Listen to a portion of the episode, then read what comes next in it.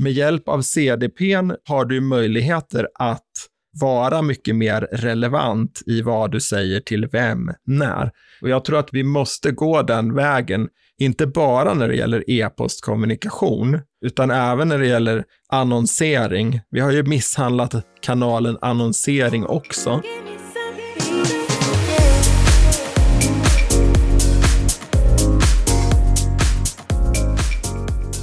Det där var Niklas Gustafsson och det här är ett nytt avsnitt av Digital marknadsföring med Tony Hammarlund. En podd där jag intervjuar några av Sveriges främsta branschexperter och marknadsförare.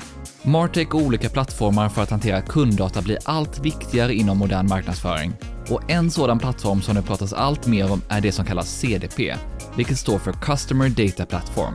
För att jag ska få bättre koll på det, gå igenom vad det är och hur vi använder dessa i vår marknadsföring så bjöd jag in Niklas. Han är Customer Data och Marketing Automation Specialist på Nexer och har arbetat med datadriven marknadsföring och marketing automation i över 15 år. Niklas är inte minst expert på CDPs och hjälper idag företag med strategi kring teknologi för att hantera kunddata och att aktivera kommunikation utefter det. Han är dessutom författare och har skrivit boken On Demand marknadsföring. Vi pratar bland annat om vad en CDP är för något och vad den här typen av plattformar kan ge oss marknadsförare och vilken roll de fyller i marknadsföring idag. Niklas går även igenom vad som skiljer mellan en CDP och andra verktyg såsom CRM och Marketing Automation System och hur en CDP passar ihop och integrerar med andra verktyg, plattformar och system i våra Martech-stackar. Du får dessutom höra om varför det pratas så mycket om CDPs nu, hur de hjälper oss att bli mer relevanta, exempel på olika användningsområden, viktiga datakällor att koppla till en CDP, olika plattformar och system att kolla in och Niklas går inte minst igenom en mängd olika fördelar och möjligheter som en CDP ger oss som marknadsförare, i allt från analys till aktivering, plus en massa, massa mer. Du hittar som vanligt länkar till allt vi nämner i poddenlägget på tonyhammarlund.io, så du behöver inte anteckna. Där hittar du även tidsstämplar så att du enkelt kan hitta tillbaka till olika sektioner i intervjun. Innan vi kör igång så vill jag även presentera e-commerce recruit som är med och sponsrar podden.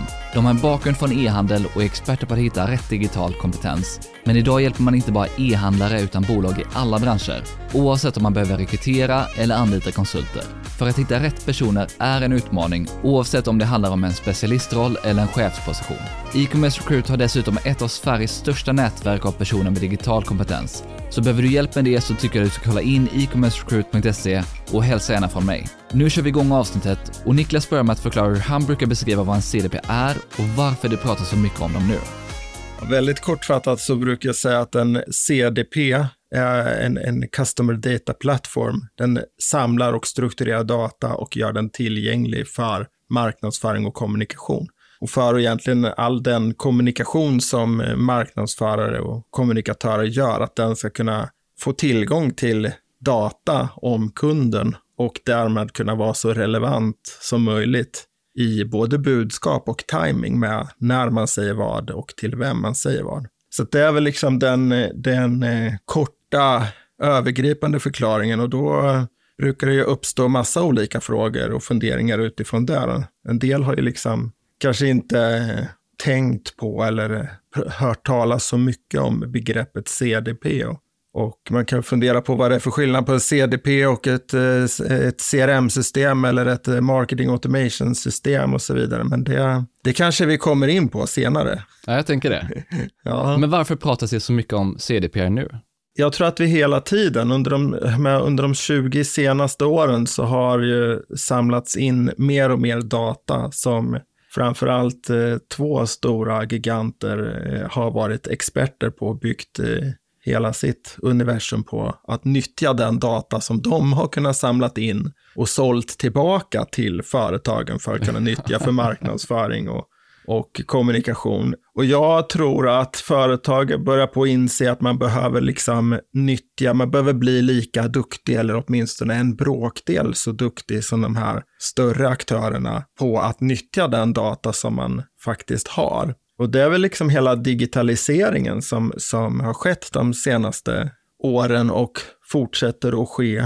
Kundbeteendeförändringar, att man går inte längre till bilhandlaren och köper en bil, utan man beställer bilen på nätet och får den hemlevererad vilket faktiskt jag fick här i förmiddags, fick en bil levererad hem. Och då genereras det en massa data kring det där och det finns ju stora möjligheter för företagen att liksom nyttja den datan, inte bara för att analysera hur många som har gjort vad i en viss digital kanal, utan att faktiskt eh, samla in den på någon, någon typ av kundkort, 360-vy av kunden eh, och sen kunna analysera den och också agera på den datan. Så att dels så tror jag att anledningen till att det pratas mer och mer om det här, eh, sen om det kommer att sluta i CDP eller CDXP eller något annat, det är att eh, möjligheten finns och eh, det blir en konkurrensfördel att, att nyttja datan och vara relevant i vad man säger och när man säger. Sen har det blivit allt mer fokus på just förstapartsdata och inte minst att vi står inför att tredjepartscookies och tredjepartsdata blir saker som vi har allt mindre tillgång till. Ja, precis. Och det är väl en sak som vi har sett då som kommer liksom från den egna, om, om, om vissa om man pratar om köpt marknadsföring så kommer man kanske mer från att vara duktig på att nyttja tredjepartsdata från de här större aktörerna, Google och Meta. Och jag kommer ju kanske mer från första parts datasidan. Och det är klart att när det som har hänt den senaste tiden rent legalmässigt och, och tredjepart cookies och sådana grejer har ju gjort också då att det har blivit en lite extra skjuts till att okej, okay, nu måste vi faktiskt eh, ta tag i att nyttja den data vi har för att berika processer för köpt kommunikation och sånt också och kanske göra det bara på första partsdatan. Så det har ju också gett en, en viss skjuts åt att okej, okay, vi måste göra något annat. Även liksom från kanske den här ad spend-sidan så har man börjat på lagt eh, tid och resurser och engagemang i att eh, titta på vad kan vi göra med första partsdata med den datan vi har? Så det är väl också en, en starkt bidragande faktor till att, att man pratar mer och mer om CDP. Hur viktigt skulle du säga att en CDP är i modern marknadsföring? Om man kommer tillbaka lite grann till den här första frågan du ställer med, med hur man ska beskriva en CDP och, och vad den gör, så kan man ju ibland kanske man inte behöver prata så mycket om att det är en ny teknologi, utan det kan vara lite konceptuellt också, att man ser på det. Systemleverantörer brukar ju vilja sätta det senaste coolaste etiketten på sin, som label på sin plattform just nu. Det har vi ju sett mycket av. Typ marketing automation system eller e-postmarknadsföringssystem som har tagit labeln CDP och satt den för att det ska låta bra. Och till viss del så kan jag köpa det för att det blir lite grann av ett konceptuellt tänk och man kan säkert uppnå konceptet eller funktionen CDP även utan att köpa en ny teknologi. Om man har liksom egen teknologi. Jag vet ju företag som pratar om att om vi har kört en CDP men vi slänger ut den och så bygger vi egna saker istället. Rätt eller fel, det, det vet jag inte, men, men Alltså det skulle kunna vara mer konceptuellt än att det är en viss plattform som man köper in. Det vi pratade om inledningsvis då med att det genereras en massa data och alla tror på att vi behöver ta hand om den data vi har i allt större utsträckning för att vara relevant i att skapa en bra kundupplevelse. Då blir det ju viktigt. Om man inte tror på att det är viktigt att nyttja kunddatan eller den data man har för att skapa en relevant upplevelse, då är det ju inget problem.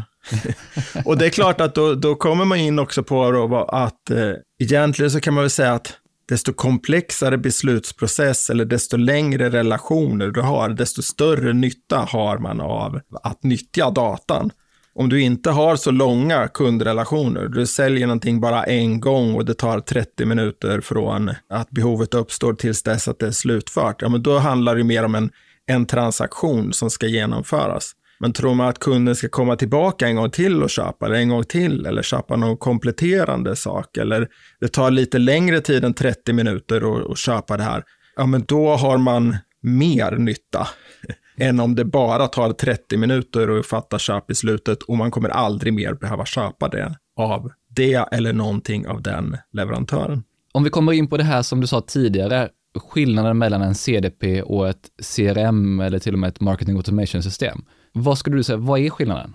Först så kanske man ska prata om att det finns lite olika typer av CDP. Det finns ju, man kan ju säga egentligen att det finns vissa CDP som är mer kampanjorienterade, där du då segmenterar och kan skapa kampanjer. Medan andra CDP är mer analysverktyg, alltså eh, mer åt data warehouse eller för att kunna skapa analyser av kunddatan och göra analyser på den. Om man säger marketing automation-systemen kommer ju oftast från kanalhållet. Eh, det är liksom, man har jobbat med e-postmarknadsföring sannolikt. Och sen så har man gått åt, vi behöver ha kunder i systemet också för att kunna putta ut ett e-post till dem. Men ett marketing automation-system ligger ju mer på liksom kanal eller orkestrering av kommunikation. Sen är det klart att du kan kommunicera via andra kanaler än e-post. Men oftast i ett marketing automation-system så blir det e-post som blir kommunikationskanalen.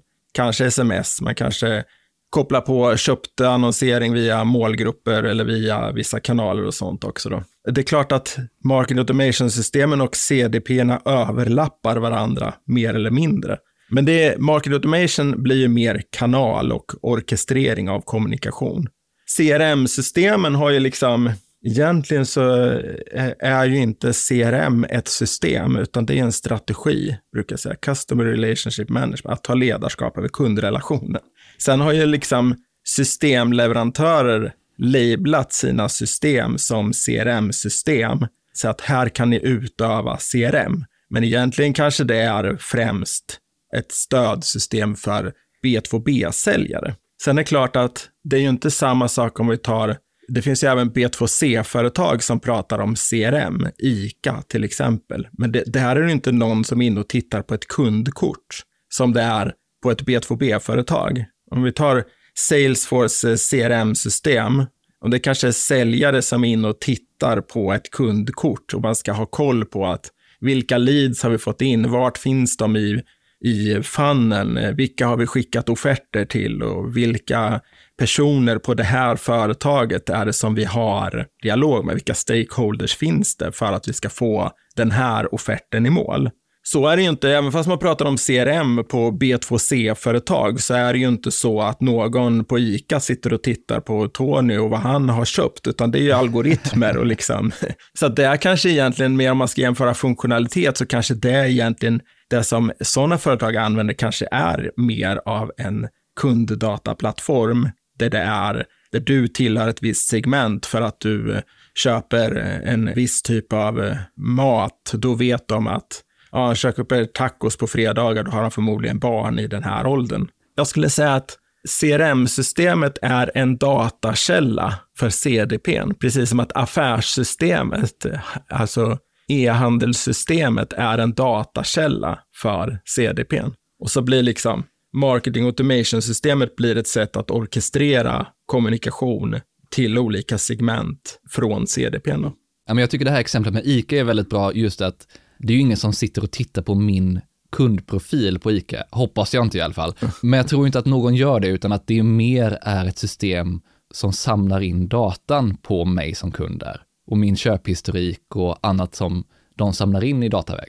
Snarare än att det är ett CRM-system, som du säger, där någon verkligen sitter och kollar på när jag var och handlade senast och att någon faktiskt person sitter och gör det.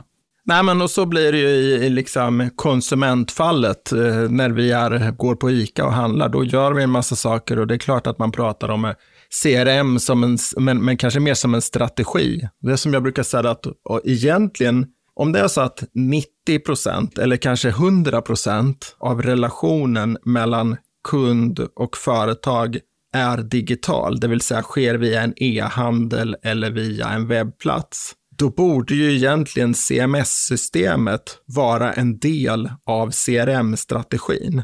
Eh, och på det viset kan man ju liksom ifrågasätta de här akronymerna, vad de egentligen är. alltså för att det är klart att om vi tänker oss att vi ska ta ledarskap över kundrelationen och gränssnittet eller scenen där vi möts är webbplatsen eller e-handeln och sånt, då måste ju det vara en jätteviktig kanal för att utöva CRM och ta ledarskap över kundrelationen. Och då blir ju CRM en strategi och inte en teknologi. tycker jag. Så därför tycker jag egentligen att CDP är en mycket bättre label även på CRM-system än vad CRM är. Ja, för då kommer vi in på hur passar CDP ihop och integrerar med andra verktyg och plattformar som Data Warehouse eller CMS-system eller CRM-system eller Marketing Automation-system? Ja, precis. Och det blir ett antal av de här som blir datakällor för CDP. CRM-systemet, affärssystemet, eh, data warehouset, eh, ERP eller blir ju en datakälla. Webbplatsen blir ju också en datakälla i form av online-beteendedata och hur har folk eh, klickat och hur har folk surfat på sajten, alltså browserdata eller formulärdata och allting då som egentligen blir första parts cookie-baserat som samlas in som en datakälla till CDP. Och sen så blir det ju vissa av de här som, som blir kanaler för att orkestrera kommunikation. CMS blir ju där informationen finns som då du parar ihop med vem är det vi ska visa det här för nu då, som kommer in på sajten. Och men det är den här personen som är vid det här stadiet i beslutsprocessen. Det är en befintlig kund som har varit kund till oss jättelänge och köpt jättemycket saker ja men då kanske vi ska visa något annat för den personen än när det kommer in någon som aldrig har varit inne på vår sajt tidigare. Så det blir liksom kopplingen till CMS och likadant om man pratar eh, PIM-system eh, för, för produktinformation som ofta blir ett sätt att hantera informationen som ska publiceras på webbplatsen så har du ju med en CDP möjligheten att koppla på vem är det som vi ska visa det här för nu? Eller vem är det som har tittat på det här, då blir webben en datakälla som säger att eh, person 123 ABC har eh, nu konsumerat den här typen av innehåll på vår webbplats. Och då när vi ska kommunicera med den i kundtjänst eller i säljaren och sånt så kan ju den veta om att okej, okay, den här personen har konsumerat allt det här innehållet på webbplatsen. Eller har konsumerat jättemycket och hamnat i ett visst segment. Ja, och sen med marketing automation system så blir det ju liksom kanske i huvudsak där som man bygger de här journeysarna som många känner igen ifrån eh, HubSpot eller eh, Salesforce Marketing Cloud och liknande. Man säger att om den eh, triggern har inträffat så ska det här mejlet skickas, det här smset ska skickas och så vidare. Men ska man gå också till personalisering på sajt om någon har gjort det här och uppnått en viss datapunkt, då kanske man vill, när den personen kommer in på sajten tre veckor senare, så vill man kanske säga någonting specifikt till den. Eller om personen har varit inne i en eh, fysisk butik och handlat någonting där, vilket har, har registrerats tillbaka till affärssystemet eller medlemssystemet in i CDP och så att vi kan prata relevant med den personen utifrån att den har köpt saker i fysisk butik. Då. Så det blir också en, en, möjlighet att inte bara jobba med olika kanaler, utan att faktiskt bli omnikanal på riktigt. Finns det några andra viktiga datakällor som feedar in till CDPN, skulle du säga? Alltså egentligen så är det ju överallt där det finns någon form av kunddata som, som blir, behöver vara datakällan. Affärssystemet där man har information om vad den ena eller den andra har, har köpt eller vad de har för avtal och vad man har sålt till dem. Och där, behöver man ju, där har man ju förhoppningsvis, då har man någon form av medlemsprogram, då har man information om det i affärssystemet. Förhoppningsvis oavsett om de har köpt i fysisk butik eller om de har köpt eh, via en digital kanal.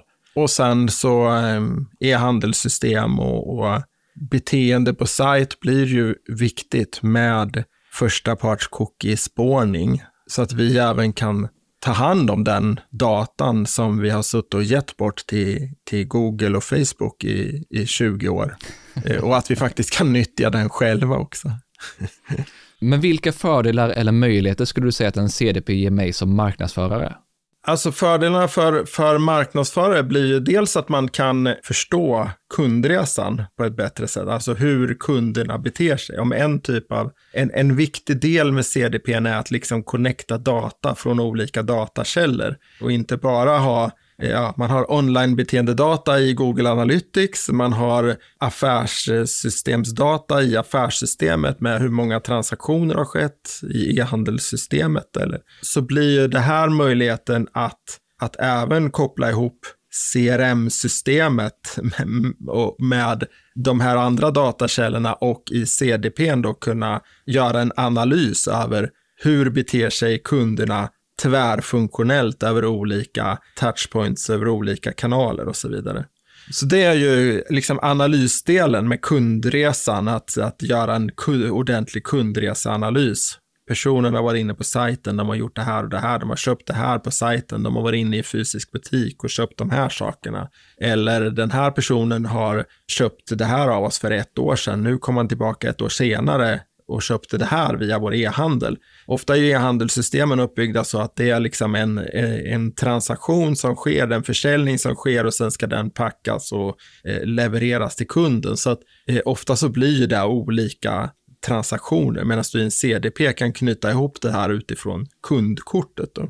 Och sen är det liksom det som vi var inne på med targeting-delen, att du kan bli mer träffsäker i din kommunikation utifrån den datan som du har fått in i CDP och de datakällorna som du har kopplat på.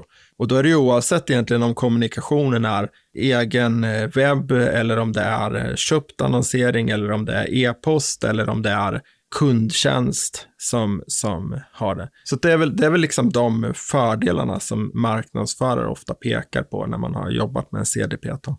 Och när man pratar om att förstå kundresan bättre, hjälper en CDP oss på något sätt med attribution och att förstå det på ett bättre sätt?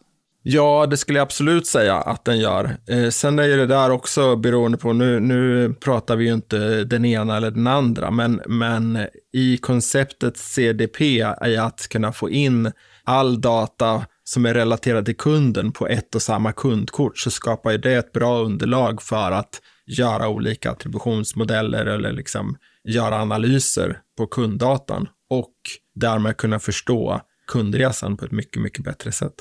Ja, för har man, som du är inne på, webbanalysdata, man har data från affärssystem och från CRM, från market automation och sen kanske även då har olika annonskanaler egentligen som feedar in data, så kan vi få en väldigt mycket bättre bild av det här än om vi tittar i respektive system.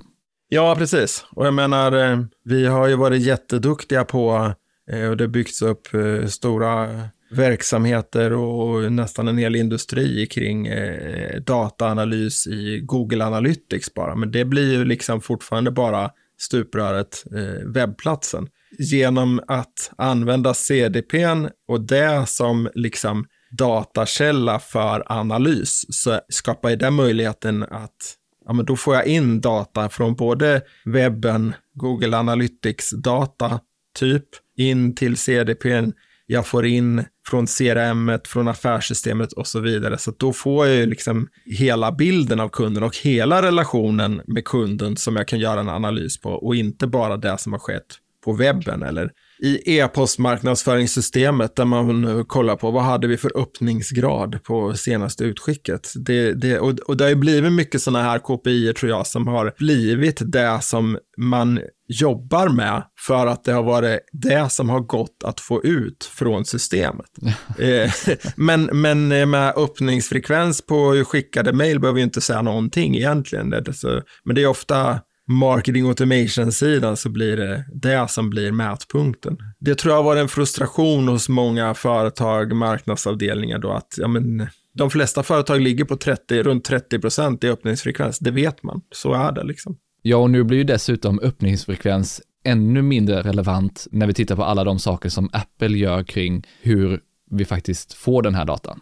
Ja, precis. Det är ju många saker som sker hos eh, plattformarna eller, eller liksom eh, som påverkar de här sakerna också. Det finns mycket saker kring det där, men jag tror liksom att det är en jätteviktig del med CDPn, att, att kunna förstå kundresan bättre och faktiskt kunna göra bra analyser av hur kunder faktiskt beter sig tvärs över de olika kanalerna.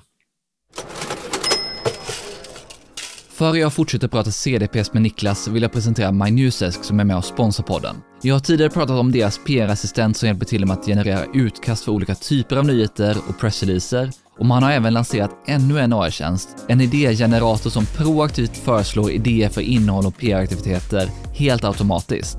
AI börjar med att skanna av din sajt och analysera vad du tidigare skrivit om. Den tar sedan fram nyhetsidéer baserat på ditt innehåll och trender i din bransch och mejlar dig fem idéer varje vecka eller månad. Den kan sedan ta fram vinklar för de olika idéerna och efter det väljer du din favoritidé och låter AIn skapa ett första utkast. Sen kan du tillsammans med AIn arbeta vidare på texten till den är färdig och redo att publiceras. Jag tycker att det är en riktigt häftig tjänst och coolt att öppna inboxen varje vecka och hitta nya idéer. Du kan läsa mer om både idégeneratorn och PR-assistenten på mynewsdesk.se. Nu pratar vi om analys och att förstå kundresan bättre. Men hur är det med att agera på datan som vi har i vår CDP och aktivera den på olika sätt? Vad finns det för möjligheter där?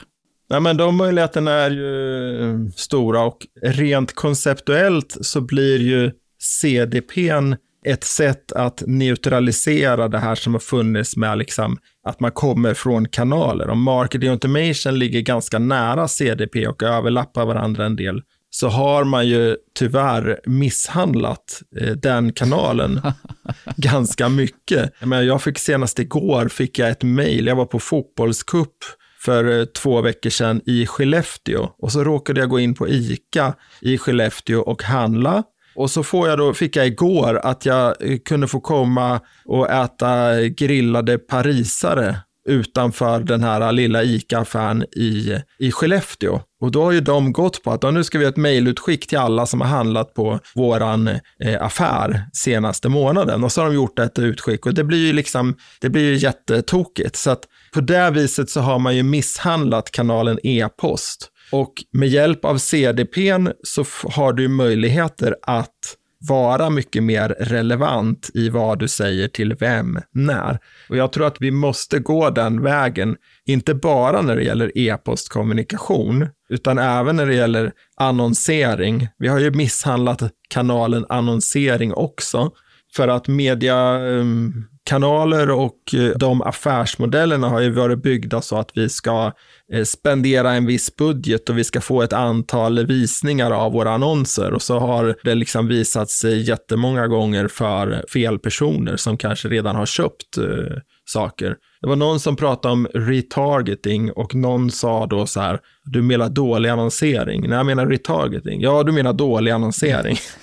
Den kanalen har ju också misshandlats jättemycket jag såg det inlägget som du hade gjort i din, i din blogg här med eh, Google Ads Data Manager, där man då har möjlighet att koppla Google Ads-kontot till CRM eller till CDPn. Då har man ju liksom gått ett steg bak, alltså vi har datan, vi har segmenten, vi har eh, struktur, ordning och reda på datan i CDPn och så kan vi välja kanal för att orkestrera kommunikationen. Det var någon som skulle göra en upphandling av ett nytt CMS och, och, och en ny webb som då hade skrivit i kravspecen vi vill kunna personalisera information på webbplatsen utifrån tidigare besök på webbplatsen. Det är ju bra att ta sig åt det hållet så att man inte visar samma för alla. Men det kanske faktiskt är så att vi ska kunna visa relevant information på webbplatsen utifrån vilken relation vi har med personen som kommer in på webbplatsen. Det kan ju ha varit så, i just det här fallet så var det så att personerna skulle kunna ha varit inne i en butik, för det här var jättedyra saker, så de skulle kunna ha varit inne i en butik och eh, tittat på de här sakerna och sen kommer in på webbplatsen. De kunde ha suttit, och sannolikt eh, suttit i butik och pratat med säljare, vilket säljaren registrerar i sitt CRM-system, som då blir en datakälla för CDP som skulle kunna då visa relevant information på webbplatsen för den här personen nästa gång som de kommer in på sajten. Det är ju här det blir intressant när man kombinerar datakällor på det här sättet.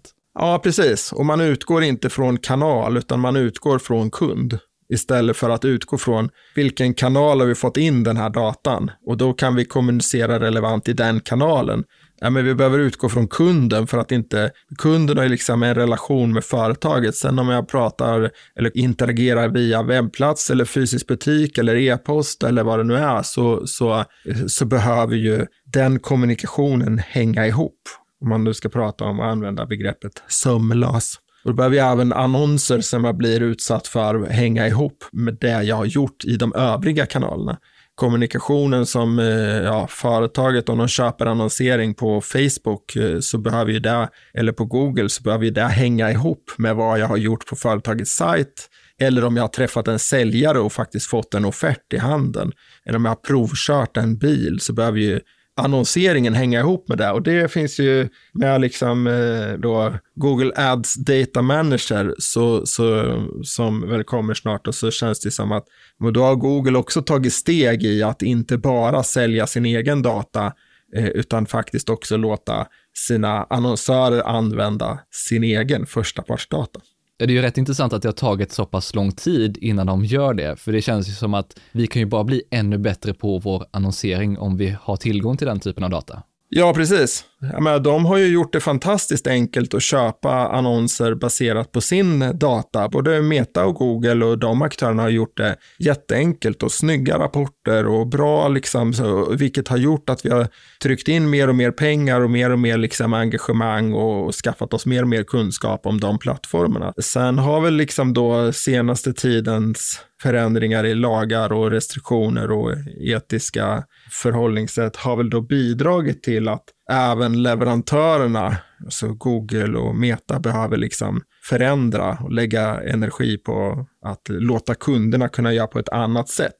En annan stor fördel med CDP, om vi pratar om datakällor, det är ju liksom att få in den här tredjepartsdatan. Om jag flyttar från en adress till en annan eller jag eh, kommer eh, i en viss ålder eller någonting händer som registreras i de offentliga registren så kan man ju liksom köpa in data på det också.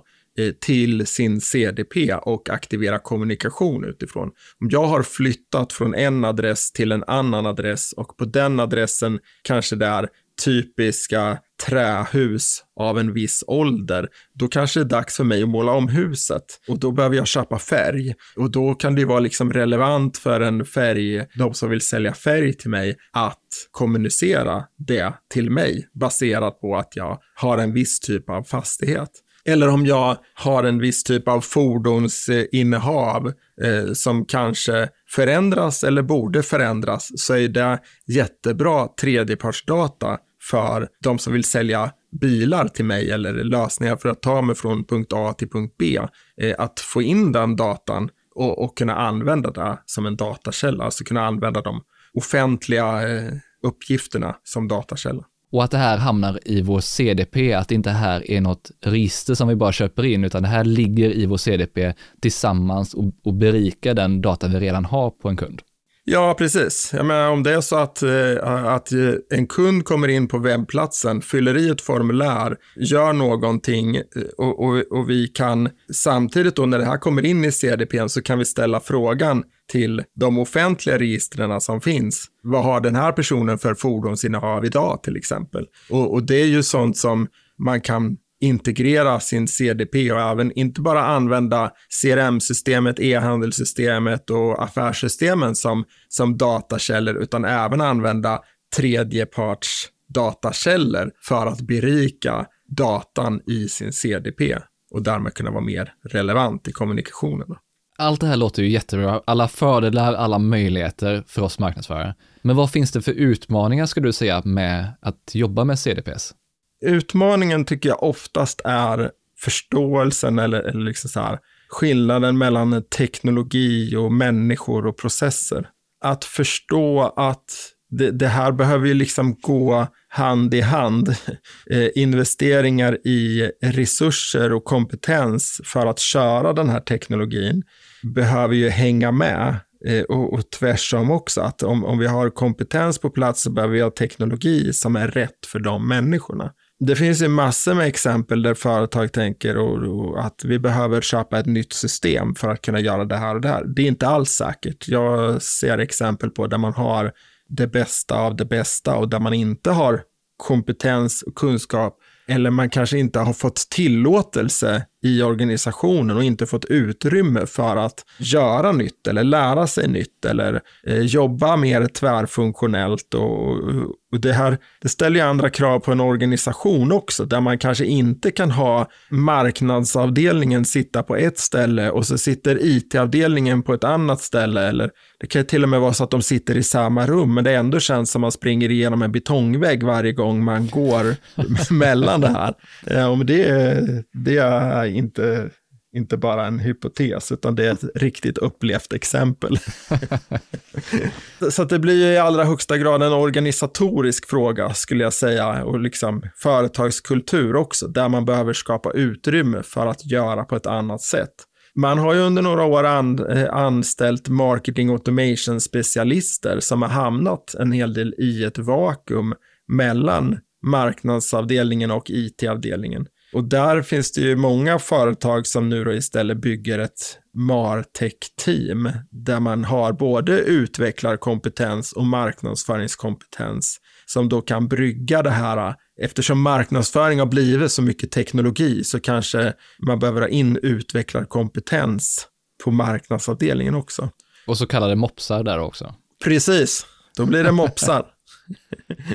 Då har vi koll på lite av fördelarna men också utmaningarna med CDPs. Men vad, ska säga, vad finns det för olika typer av CDP-system eller plattformar som du tycker att man bör ha koll på? Alltså det är ju alltid en stor fördel att följa de stora eller kanske den, den största Salesforce som har också jättemycket bra material kring det här i deras trailhead. Där finns det, även om man inte kör en, en Salesforce-plattform, så finns det ändå supermycket bra material på trailhead. Sen är det väl liksom de, de största CDP, eller de mest typiska CDP, det, bli, det blir ju kanske Twilio Segment är väl en av de största som, som har kommit långt, är en Enterprise, Enterprise-lösning. Vi har M-Particle, Bloomreach, hette tidigare Exponea, har gjort jättebra grejer. Custobar finns det ett system som heter. Det är väl några teknologier. Optimize, alltså de flesta av de här lite större aktörerna skapar ju mer av ekosystem, om man säger som eh, Salesforce eller, eller eh, Oracle och dem. Och Optimizely har ju eh, gjort en jättebra paketering med liksom ett ekosystem där du har tidigare svenska Episerver som CMS-systemet som har blivit Optimizely. Och sen har man där då utvecklat någonting som de kallar det för ODP, varför vet jag inte. Optimizely Data Platform. De har tappat att det handlar om kund i deras förkortning. Men det är deras CDP. Så att kör man liksom Optimizely eller Episerver som, som CMS och som e-handelslösning så är det ju ganska naturligt att titta på eh, Optimizlys CDP som man då får acceptera att den heter. De kallar det för ODP. Ja, så det är väl de, de liksom teknologierna. Sen finns det ju någonting som heter CDP Institute, om man vill ha alla CDP listade. Om man inte tycker att det här räckte för att kolla på. Ja, precis. Nej, men alltså, det finns en kille som heter David Raab, som många kanske känner till. Eh, han är thought leader inom området CDP. Han startade 2013, så startade han något som heter cdpinstitute.org. Och han, eh, det teamet eh, skriver jättemycket om det här och eh, har jättemycket bra material och har väl egentligen alla CDP listade också. Hur rekommenderar du att man ska gå tillväga och vad bör man tänka på när man köper in en CDP? Alltså det här är intressant tycker jag med hur man väljer tekniska lösningar. Eh, ofta då så, så kanske man går på det som andra har gjort eller när man känner till någonting sedan tidigare. Och där tror jag att vi behöver bli mycket duktigare, oavsett om det handlar om en CDP eller om det handlar om marketing automation system eller vad, så behöver vi, vi behöver bli bättre på att skaffa oss kunskap om hur Scott Brinkers Martech-karta faktiskt ser ut och dyka in i olika kategorier där. Så att nummer ett är liksom att säkerställa eller att, att skaffa sig mer kunskap om vilka möjligheter som finns med teknologi. Alltså vilka möjligheter finns det på riktigt? Och jag upptäcker nya saker hela tiden. Bara för ett par veckor sedan så, så fick jag en demo av ett system som heter Gong som är ett fantastiskt system för B2B-säljare. Men det är väl liksom det första som jag, som jag rekommenderar, att vara nyfiken på den teknologi som kommer och sen gå tillbaka till och identifiera vilka problem är det som vi behöver lösa. Vad är det som skaver i kundupplevelsen? Vad är det vi kan förbättra i kundupplevelsen och skapa bättre upplevelse för kunden genom mer relevant information och rätt budskap och rätt timing. Och sen eh, blir det att bygga liksom use cases, att bygga, eh, ja men det här skulle vi vilja göra på ett ritbord. Mappat då mot att man har fått kunskaper tidigare om vad som faktiskt går att göra, så då kommer ju liksom kreativiteten att flöda mycket mer. Och sen göra proof of concept eller liksom titta på vilka teknologier eller hur skulle vi kunna lösa det här? Vilka funktioner eller teknologier behöver vi eller har vi kanske redan för att kunna lösa de här sakerna? Vad behöver vi komplettera med? Dem? Och sen är det ju som alltid att ha liksom tydliga mål och KPI och jobba ganska kortsiktigt också. Alltså att, att för annars så riskerar ju sådana här projekt att köra i diket om det tar liksom ett år innan man har satt spaden i marken eller, eller börjar på att se någon slags utväxling av det, då är det stor risk att det blir ett IT-projekt som man, som man tröttnar på. Och det finns ganska mycket sådana här quick wins eh, och, och, och liksom bestämma sig, okej okay, vi gör de här tre sakerna, de är ganska enkla att fixa och, och det kan vi snabbt se resultat. Och sen får man fortsätta att bygga på det här. Kan du ge några exempel på vad det kan vara för något? Det kan vara till exempel att man har kopplat CRM-systemet till sin webbplats där man då tänker att vi skickar in formulär som kommer från webbplatsen, skickar vi in i CRM-systemet för vi har säljare som ska ta tag i. Och sen så lyfter säljaren luren för de får kravet mer och mer från försäljningschefen att vi måste ringa våra kunder jättesnabbt efter det att de har visat intresse. Men kunden kanske inte var mogen just då, så därför när, kund, när säljaren ringer upp så säger kunden att ah, det var inte aktuellt riktigt nu. Eh, och då diskvalificeras den kunden av säljaren och så får kunden ett halvår eller ett år eller två år senare när det blir aktuellt igen så får kunden köpas in via annonsering och så vidare, kommer in som en ny kund igen. Så på det viset blir det ju liksom CRM-systemet kan ju där ha blivit en flaskhals för marknadssidan. Istället då kunna skicka in den här till en CDP där man kan bygga lite mer nurturing och kvalificering av det här och sen skicka den till säljaren när den är redo. Det är ju liksom en sån här ganska quick grej att fixa för företag som har den typen av processer. Då. Pratar vi om e-handlare så, så är det liksom att det inte bara var så transaktionsfokuserade. Det var någon som gjorde någon undersökning på 100 e-handlare där de 100 största e-handlarna i Sverige och så gick man in på deras sajt och kommer man in på en sajt som man inte känner till sen förut hos en e-handlare så är det liksom, det blir bara ett skyltfönster med massa produkter och det står en prislapp och så är det gärna överstruket och så finns det en röd prislapp också. Men man förstår ingenting om vilka värderingar det här företaget har och, och, vad det egentligen är de vill hjälpa med, utan det blir väldigt, de kommer in väldigt sent i liksom när jag ska köpa den där produkten för att de har drivits av transaktioner. Så att om man som e-handlare eller vill, vill jobba mer med relation, då finns det jättemöjligheter att liksom connecta en CDP till sitt e-handelssystem och börja på att vara mer relevant i vad man säger. Att okej, okay, det här var en person som vi inte har någon relation med sedan tidigare, då kommunicerar vi på det här viset, kanske lite mer inspiration. Eller också har man bestämt sig för att man ska bara försöka vara billigast när kunden faktiskt ska köpa. Men hur blir man mer relevant i det läget? Vad är det CDPn tillför för den här e-handeln? Men du vet ju, CDP vet ju om att det här är en ny person som kommer in som vi inte haft någon dialog med sedan tidigare. Via första parts cookie och liksom olika teknologier för att identifiera att det här är en ny person. Sen kan man alltid diskutera det, det är inte hundraprocentigt. Nej, men det är kanske 67 procent kanske är bättre än 0 procent. Och då kan man ju liksom visa andra typer av innehåll, mer inspiration än vad man gör om det är en person som har handlat av oss fem gånger förut och bara kommer in och ska fylla på. Det som jag köpte förra gången har tagit slut, jag måste köpa nytt. Då kan man ju kommunicera på ett annat sätt. Och det kan ju liksom CDPn säkerställa att du kan kommunicera på det viset.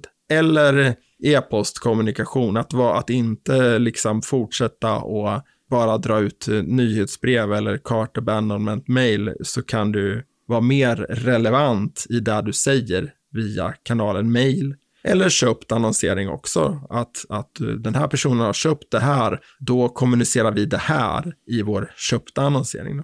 Det här är ju ett exempel på hur en e-handlare kan använda en CDP på ett väldigt tydligt sätt. Vilka andra tips har du för hur jag och andra marknadsförare kan få ut maximalt av en CDP?